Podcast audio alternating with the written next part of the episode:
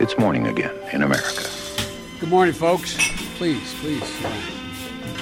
Come on, let's go. Let's go get some coffee. Thank you very much. Det er fredag 13. mars. Det er fem dager igjen til primærvalgene i Arizona, Florida, Illinois og Ohio, og morgenkaffen er servert. Vi har heldigvis allerede studio på et hjemmekontor, og dagens første sak det er avlysninger på alle kanter. Natt til torsdag lanserte Joe Biden en gruppe rådgivere innenfor folkehelse som skal veilede hans kampanje i forbindelse med koronapandemien. Flere av medlemmene har bakgrunn i Obama-administrasjonen. Etter råd fra denne gruppa, og etter ønske fra lokale myndigheter, har Biden nå avlyst flere arrangementer de nærmeste dagene, og omgjort andre til såkalte virtual events. President Donald Trump har også avlyst flere arrangementer, både i Nevada, Colorado og Wisconsin, de nærmeste dagene. Han har også meldt avbud på flere arrangementer under henvisning til spredning av koronaviruset. Samtidig så viser meningsmålinger at det er stor forskjell mellom demokrater og republikanere når det gjelder holdninger til pandemien. I en måling gjort for The Economist sier 60 av spurte demokrater at de er ganske eller svært bekymret for koronaviruset, mens bare 35% av republikanere sier det samme.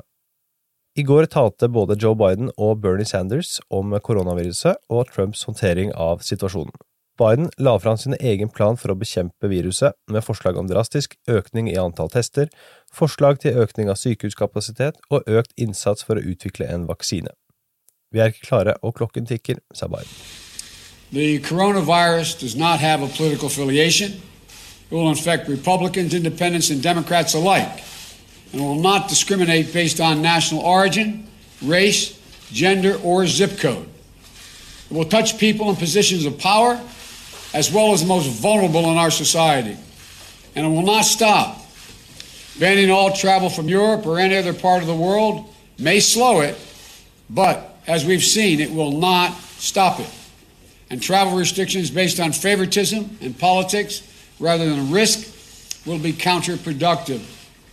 This disease could impact every nation and any person on the planet. We need a plan about how we're going to aggressively manage here at home.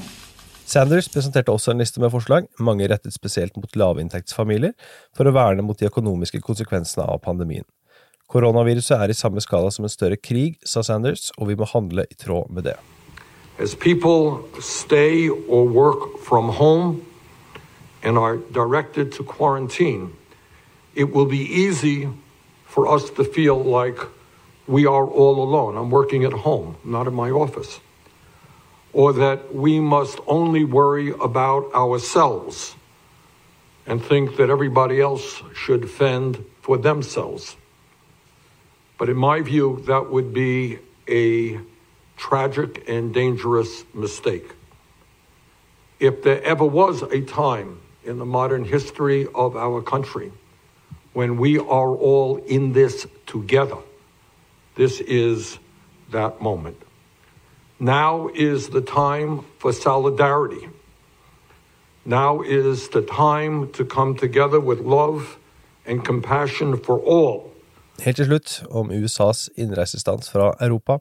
Som vi meldte i går tidlig, så har altså amerikanske myndigheter kunngjort et generelt innreiseforbud for reisende fra Europa i 30 dager fra og med i dag, fredag. Forbudet gjelder ikke amerikanske statsborgere eller folk med permanent oppholdstillatelse i USA, heller ikke personer som er gift med en amerikansk statsborger eller er foreldre til en amerikansk statsborger. Det har blitt presisert fra Det hvite hus at forbudet kun gjelder persontrafikk, ikke både persontrafikk og varer, slik Trump sa da han talte natt til torsdag. Dagens utgave av Morgenkaffen er servert av Sigrid Rege Gårdsvold og undertegnede Are Tolleflaten. Du abonnerer ved å gå til ampol.no kaffen, og på patron.com ampol, så får du snart høre valgkampdagbøker fra USA, fra Våren Alme, som heldigvis nettopp har kommet seg hjem igjen til Norge, men hun har vært på reise der og spilt inn mye bra innhold som våre støttespillere får høre på patron.com ampol.